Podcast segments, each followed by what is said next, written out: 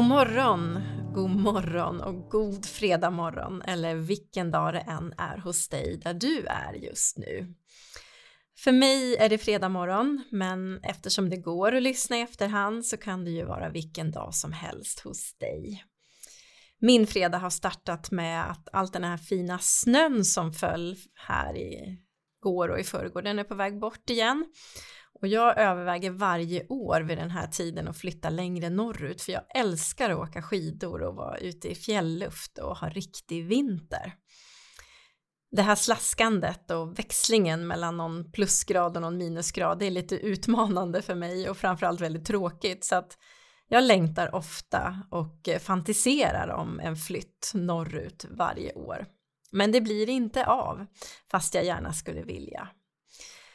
Idag ska vi prata om varför vi inte lyckas med förändringar i våra liv och hur du kan göra för att öka möjligheterna att lyckas med det du verkligen vill ändra på och förändra till någonting som är mera hållbart. Och förra veckans avsnitt om stress, det är det hittills mest lyssnade av alla avsnitt och jag har fått så mycket återkoppling ifrån er som lyssnar. Jag ska komma tillbaka till det lite senare. Jag hoppas att du har det så bra som du kan där du är just nu och vill dela den här kommande halvtimmen med mig. Och idag så tänkte jag inte starta med att påminna om andning för det kanske börjar sitta nu. Att du behöver ta dina djupa andetag då och då, varje fredag för din egen skull. Nej, jag tänkte faktiskt istället prata om behovet av att låta ögonen få lite variation. Jag vet inte vad du jobbar med men troligen är det så att dina ögon jobbar ganska mycket om dagarna och ibland lite för enformigt. Det kan bli mycket skärm eller mycket läsande eller ja, hur du nu använder dina ögon på dagarna. Så medan jag inleder podden här så kan du hjälpa ögonen och hjärnan att få vila och få nya intryck genom att titta dig omkring. Vad ser du om du lyfter blicken? Titta lite längre bort. Titta nära på detaljer som du har omkring dig. Titta så långt bort du kan och låter blicken stanna i olika avstånd en stund. Det kan faktiskt också vara så att du behöver vila från intryck en hel lång stund och då kan du blunda. Att blunda lite oftare, kanske också i kombination med de där djupa andetagen, det kan ge en väldigt kort men också en väldigt effektiv återhämtning. Du är varmt välkommen hit till Queen Morning och till min podd. Och eftersom podden växer väldigt snabbt nu så finns det säkert du som är här som lyssnar för allra första gången. Och då är du extra välkommen hit.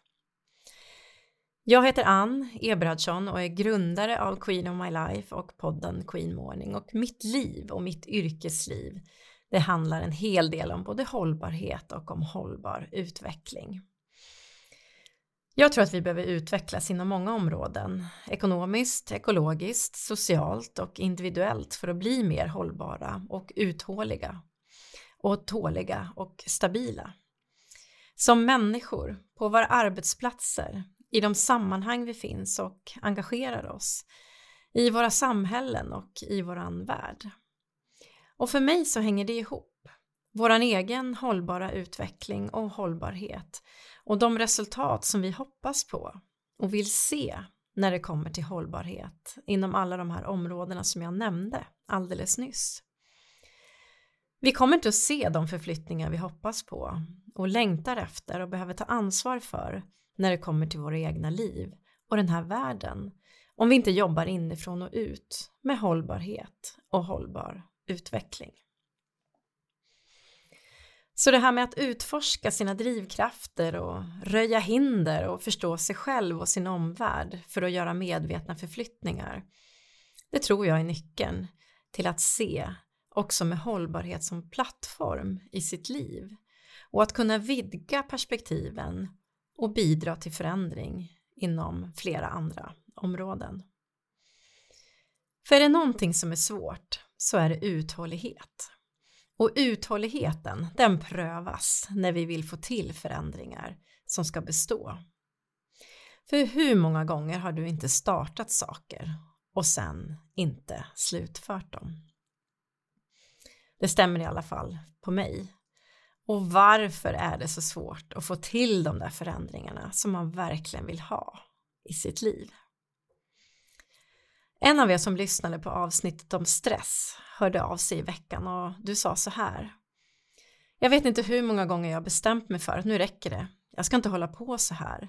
Jag ska inte hålla på och jaga upp mig. Och så gör jag det ändå. Jag försöker hålla fokus och prioritera. Men sen sitter jag där ändå och drunknar i jobb. Vad gör jag för fel? Du gör inget fel. Och inte vi andra heller. Men det är en väldigt, väldigt vanlig reaktion. Det är mig det är fel på. Det här kommer aldrig att gå att ändra. Vi tappar modet och uthålligheten. Men det går att ändra på. Jag har upplevt det själv och sett så många andra kunna ändra sig. Och det är kanske ingen tröst alls i det du själv upplever just nu. Men det går och när du väl har fått till de där förändringarna som består, då vill du aldrig tillbaka till det som var innan. Så vad gör vi nu? Ja, men jag tänker att förståelse och perspektiv kan vara ett sätt att närma sig viljan att försöka en gång till och kanske förstå mer av den här komplexiteten som det faktiskt är att försöka förändra sig. Vilken förändring skulle du vilja lyckas med just nu? Vilken förflyttning skulle du önska att du kunde göra? Vad har du försökt med många gånger och inte gått i mål hela vägen med? Vill du börja träna mer regelbundet? Försöker du gång på gång att ändra vad du äter för att magen ska fungera bättre? Vill du jobba din heltid och inte mer? Vill du våga byta jobb? Eller lägga mindre tid på att oroa dig i onödan över så mycket? Eller vill du lägga mindre tid på att fastna i din telefon med ständiga nyhetsuppdateringar om allt ohållbart i världen som bara får dig att må ännu sämre? Vilken förändring skulle du vilja se i livet och våga hoppas på att den består och blir hållbar? Katie Milkman, hon är professor vid The Wharton School of University of Pennsylvania och hennes forskning handlar om hur insikter från ekonomi och psykologi kan användas för att förändra beteenden som har betydelse och där vi vill se förändring som består. Och hon har kommit fram till att vi människor, vi är programmerade att söka efter den väg med minst motstånd och mest effektivitet. Och att det är normalt och att det är någonting positivt i sig. Men eh, det kan bli ett hinder när vi vill göra en förändring, säger hon. Och genom hennes forskning om beslutsfattande så undersöker hon de många hinder som vi skapar för oss själva när det gäller att uppnå mål. Hon försöker alltså på vetenskaplig väg ta reda på vad som händer när vi har bestämt oss för att vi vill ta tag i någonting och vad som händer hela vägen till att vi faktiskt lyckas med den förändringen eller inte lyckas. Hon börjar med att konstatera att oavsett vilken förändring man vill göra så behöver man först förstå vilket motstånd som ska hanteras och varför. För förändring, även om vi är motiverade, så kommer det att innebära mer eller mindre motstånd på vägen till att vi ska nå fram till det där läget att förändringen blir en ny vana, ett nytt förhållningssätt som består. Och vi kan vara hur motiverade och taggade som helst att komma igång och till och med komma en bit på vägen. Men sen kommer motståndet i någon kostym och utmaningarna med uthållighet som gör att vi tappar det. Och när vi tappar det, då tappar vi också modet. Vi kan tappa självkänslan och vi kan till och med tappa vår tro på att vi klarar någonting alls. Det är mig det är fel på. Igen. Och vad kan vi då ha för olika slags motstånd? Och hur kan vi lära känna det motståndet innan vi sätter igång med en förändring? Det finns förstås en hel del yttre motstånd att inte kunna komma igång överhuvudtaget. Det kan handla om att det inte är rätt timing just nu att faktiskt genomföra förändringen. Som min längtan till fjällen till exempel. Den processen startar jag inte ens just nu för att jag vill leva mitt liv här i Uppsala med mina barn så att de kan gå klart skolan och flytta hemifrån innan jag funderar på fjällflyttar. Så därför så är jag inte så frustrerad just nu över att det inte blir någon flytt till fjällen fast det är snöslask. Det är liksom fel timing. Men det kan också finnas andra hinder, till exempel i den organisation där du jobbar, som gör att det inte just nu går att ändra precis det du skulle vilja. Men att det kanske går att planera för en förändring på sikt och att du är beredd när det är dags och när det är rätt tid. Så det är klart att det finns en del hinder runt omkring oss. Men, säger Katie Milkman, våra hinder och våra motståndare längs vägen, de sitter framförallt inom oss. Faktum är att en del av oss till och med har svårt att komma till skott. Vi vet att vi skulle behöva röra oss mer för att må bättre. Eller vi vet att det börjar bli dags att söka nytt jobb. Och inte vänta tills man drivs av flyktbeteenden. Eller vi vet att det är dags att börja sätta gränser så att livet blir mer hållbart. Och ändå kommer vi inte igång. Vi kommer inte till skott. Vi vet inte ens hur vi ska börja. Och då hänvisar hon till forskning om impulsivitet. Vi vill hellre se resultat nu, direkt. Mycket hellre än att vara uthålliga och se att det blir kanske bättre resultat i längden. Och det är inte heller ovanligt att vi ignorerar den där rösten inom oss som säger att nu är det dags för en förändring här.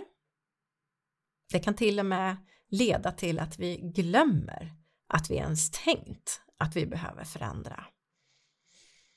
Vi är också lata och det kan låta värre än vad det är, säger Katie Milkman. Vi orkar inte ta tag i det som skulle kunna leda till något bättre, ett mer hållbart liv, för vi vet att vi måste anstränga oss för att det ska bli av. Och då får det vara.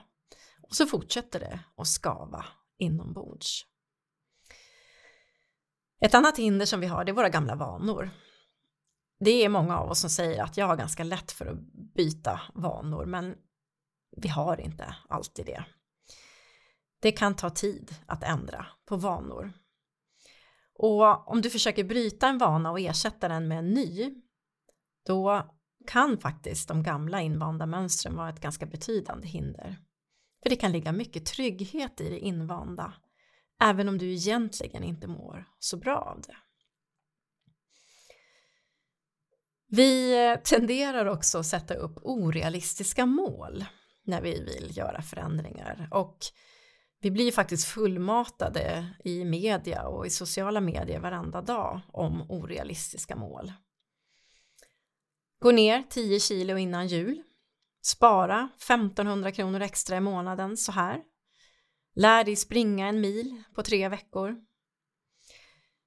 Jag skilde mig för fyra år sedan och det i sig är ju en ganska stor förändring måste jag säga. Och jag kan bocka av många av de här inre hindren jag hade inom mig innan jag ens vågade göra det och kände att det inte fanns något annat val. Men precis efter skilsmässan så hade jag behov av en terapeut ganska länge. Och jag minns att vid det allra första mötet med henne så sa hon så här att det är nu som förändringen startar. Du tror att du har startat den genom att du har skilt dig och ni har flyttat isär och du tycker att du har startat om i livet men det är nu det börjar. Och du ska nog räkna med att det kommer att ta i alla fall tre år innan du har landat i det som är ditt nya liv. Tre år! Jag kommer ihåg att jag både skrattade henne rakt i ansiktet och sen så började jag faktiskt gråta. Tre år! Jag orkar inte. Och det var klart jag fattade att det skulle ta tid att bearbeta och starta om och hitta mig själv och nya livsvanor igen. Men jag tänkte att kanske åtta månader eller något. Lagom till nästa jul, kanske. Men när jag väl satt där så var det faktiskt bara att acceptera och börja på den vägen. Och jag hade satt upp en helt fel tidsram för vad jag trodde skulle göras. Andra hinder som vi kan stöta på det är att vi upplever brist på stöd. Att sakna stöd ifrån vänner eller familj eller kollegor, det, det kan göra det svårare att genomföra förändringar. Socialt stöd är en viktig faktor för framgång och den lyfter också Katie Milkman fram som särskilt viktig. Vi tror att vi måste klara så otroligt mycket på egen hand. Att vi ska lösa allt, vi ska bearbeta allt, vi ska ha planer för allt och genomföra allt på egen hand. Men eh, resultaten blir bättre om du har stöd. Och du kan ha stöd i vänner och familj, men eh, ibland är inte det heller ett stöd, utan du kan behöva investera i stödet. I en riktigt bra personlig tränare, om det är det du vill förbättra. I en coach, om du vill utvecklas personligen eller göra förflyttningar, i en terapeut ifall du behöver någon typ av behandling eller i stödgrupper av olika slag. Det blir en helt annan kraft att inte vara ensam om att vilja påverka och förändra till exempel sitt eget ekologiska fotavtryck om du gör det tillsammans med någon. Liksom att träna ihop med någon. Jag har en kvinna på mitt gym som jag träffar varje lördag förmiddag och eh, hon är så härlig för då drar hon fram en matta och alla sina redskap och vikter och sen har hon en sån här liten ställning som hon sätter upp sin telefon och så eh, kopplar hon upp sig på Facetime med sin bästa kompis i Umeå och så tränar de ett pass ihop. Och då tänker jag att det, det blir bättre tillsammans. Men du kan ju också ha inre hinder inom dig för att det uppstår tidsbrist längs vägen. Förändringar, vilka du än vill se och om de ska bestå så kommer de inte av sig själv. Du behöver tid att träna om, tid att ställa om och tid att börja med det nya. Och då finns det annan forskning som säger att ska du byta en vana då kan det behövas 30 gånger, alltså 30 repetitioner med en viss regelbundenhet för att det ens ska bli början på en ny vana. Så planeringen är viktig. Och har du tid i din kalender för förändring? Har du någonsin blockat tid i din kalender för förändring? Nej, det har jag inte, säger du som är kanske väldigt stressad just nu och upp i varv. Det får jag ta tag i sen. Så, då finns alltså ingen plan för det du behöver investera i. Då kan det vara så att du behöver jobba med stressen först innan du ens kan släppa in syre för nya tankar och vanor. För som det är nu så är det ett hinder i sig för att komma vidare. Sen har vi frestelserna som kan dyka upp längs förändringens väg. Som ni vet när det står på ett recept när man har fått antibiotika att hela kuren ska ätas fast man känner sig frisk efter tre dagar. Varför då? Jo, för att det ska hålla. Kroppen behöver jobba längre än du tror och även om du känner att du är kanske feberfri och frisk så kanske inte bakterierna riktigt är bekämpade där inne. Och samma sak är det med frestelser som kan dyka upp längs förändringens väg. Vi är otroligt bra att förhandla med oss själva. Nej, men nu känner jag att jag har redan lite bättre kondition så nu tar jag och skippar promenaden ikväll och kollar Netflix och tar lite god fika istället. Det är jag värd. Eller nu känns det lugnare på jobbet så jag behöver inte hitta så mycket andra hållbara vanor och mönster. Det är bra nu. Jag ska nog faktiskt till och med ta ledigt några dagar för jag känner mig så ostressad. Och det behöver naturligtvis inte vara fel, något av det här. Det är klart man ska kunna ramla ner i soffan ibland framför Netflix och känna sig ostressad. Men om man sen sitter där igen efter några veckor senare och inte har nått den förändring som man faktiskt startade och hoppades på, då har kanske frestelserna fått ta över. Och frestelserna får inte alls samma utrymme, vi har en plan för förändringen, en rimlig tidshorisont och stöd längs vägen och motivation. För motivationen är förstås också viktig, det kommer jag tillbaka till i nästan varenda avsnitt. Och framförallt att ha en strategi för vad du gör de dagarna du inte är motiverad. För du kommer att bli ännu mer motiverad om du försöker hålla i. Jag har hittat en enkel men välfungerande strategi för mig när motivationen inte finns där. Och jag har tagit fram fem frågor som jag har med mig i min telefon och så har jag bestämt mig för att när jag tappar motivationen i något läge så ska jag gå igenom de här frågorna innan jag fattar beslut om nästa steg. 1. Vad är det som händer just nu? 2. Vad handlar min brist om motivation om egentligen? Är jag trött? Är jag rädd? Känns det ovisst? Har jag brist på kunskap på något sätt? Eller inte tillräckligt med tid? Vad beror det på?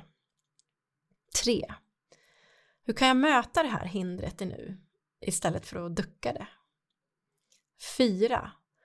Kommer jag klara det själv? Eller behöver jag faktiskt lite draghjälp av någon just nu? Och 5. Finns det något annat sätt jag kan göra det här på så att jag fortfarande håller fast vid min plan men att det blir lite mera lustfyllt? Det här fungerar för mig och ofta får jag prata högt för mig själv också och läsa en fråga i taget och svara mig själv. Jag tycker att det är väldigt bra att prata högt med sig själv ibland. Och sen kommer vi till de här hindren som vi kanske alla brottas med allra mest för att genomföra nödvändiga förändringar och det vi vill och det vi hoppas på.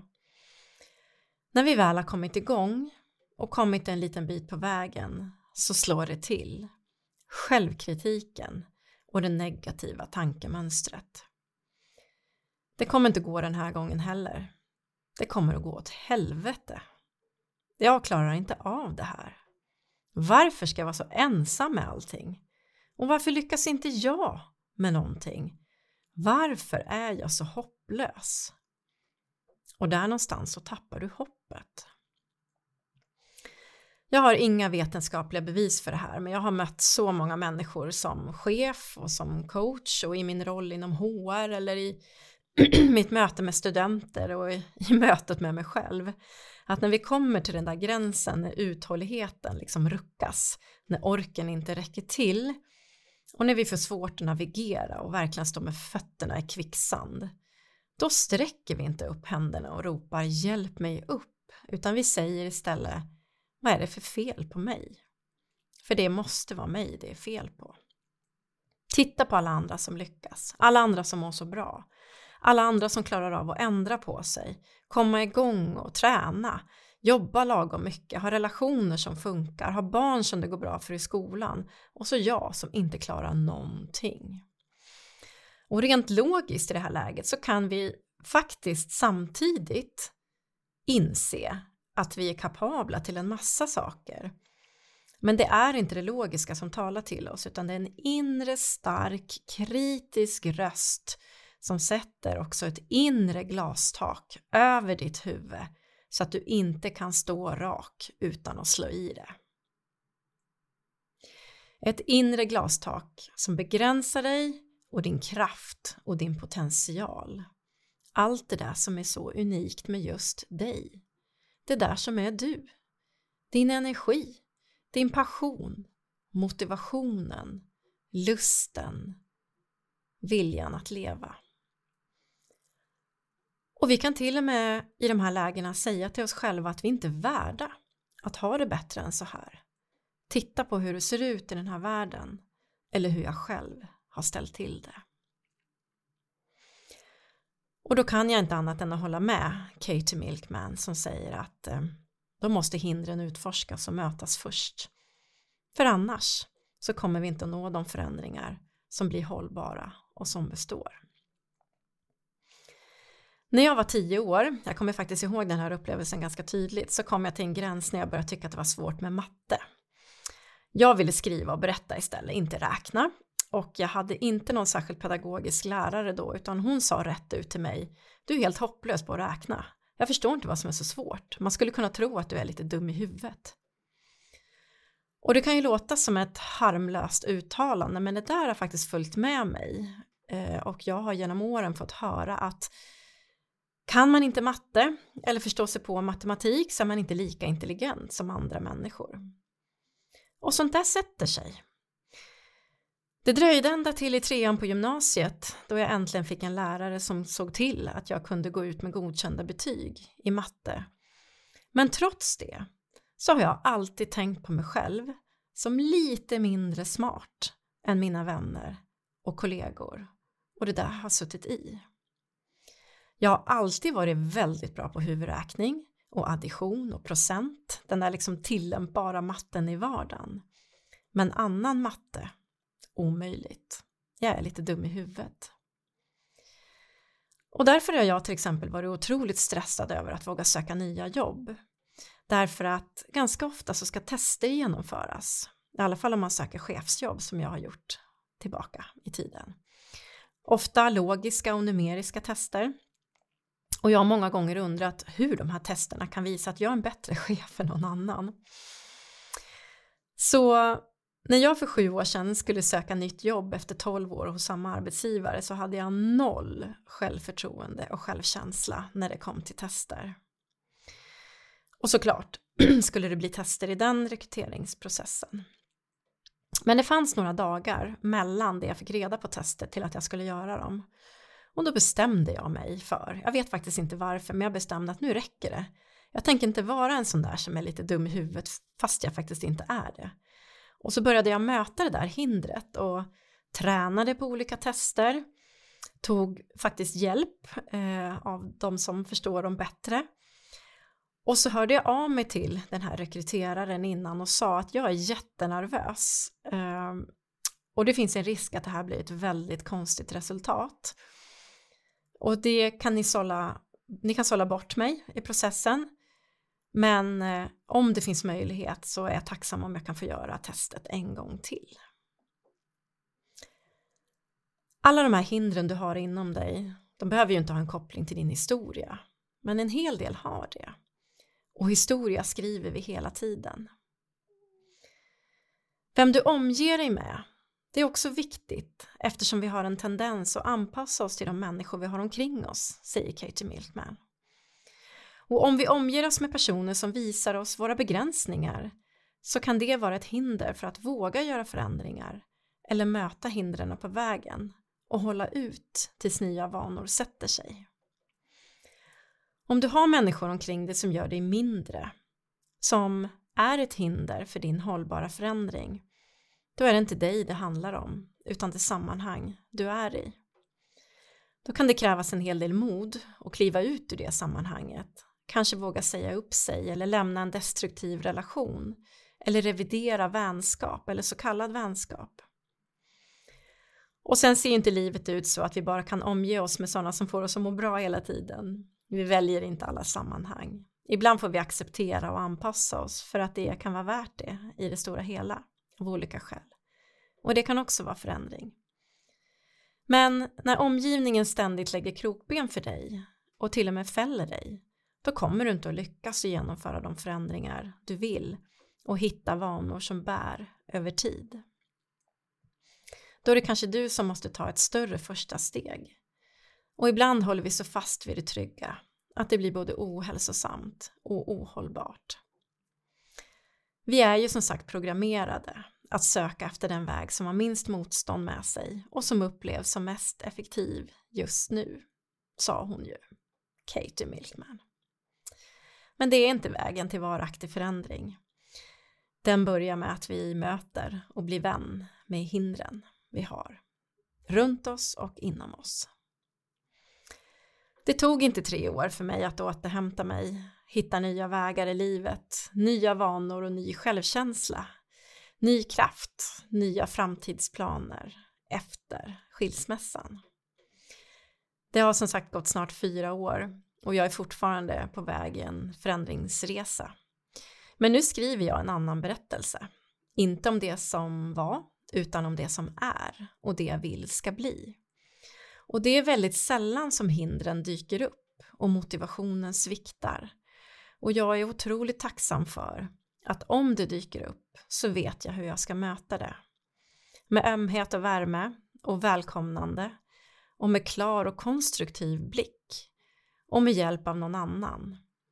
Och så det som Katie Milkman summerar hela sin forskning med. Vi måste vara lite som Mary Poppins. Ibland går medicinen lättare ner med en sked socker. Små belöningar och sällskap längs vägen så vi orkar lite till och sen en dag då står vi där och det vi lämnade vill vi aldrig tillbaka till. Och när vi sen reser oss och ryggen blir rak och blicken klar, då krossar vi de där inre glastaken och skriver en ny berättelse. Och det som har varit, men framförallt det som är nu och det som ska bli, det är det som är viktigt. Tack för att du har lyssnat idag. Jag hoppas att du som önskar och hoppas på förändring men inte riktigt vet hur du ska komma igång har fått med dig lite tankar som kanske inspirerar dig att ta det där första steget. Den tid du har, den har du nu. Och ska du investera i någonting så gör det i dig själv. För det får påverkan på hela världen runt omkring dig och i dig. Och du kan behöva hjälp att komma igång för du måste inte klara allting själv. Och vill du ge mig återkoppling på det jag har pratat om idag så blir jag väldigt glad om du hör av dig. Tack alla ni som lyssnar. Ni är snart 300 stycken och ni blir bara fler och fler och det gör mig så otroligt glad. Och vill du veta mer om mig eller allt det som ryms i Queen of My Life så gå in på queenofmylife.se eller följ Queen of My Life på LinkedIn om du är där.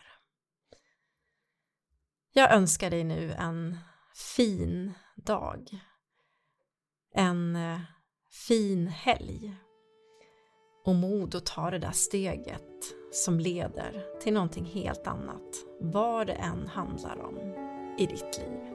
Någonting som blir mer hållbart för dig leder till mer hållbarhet i din närhet eller i våran värld. Och var rädd om dig, för det finns bara en som du.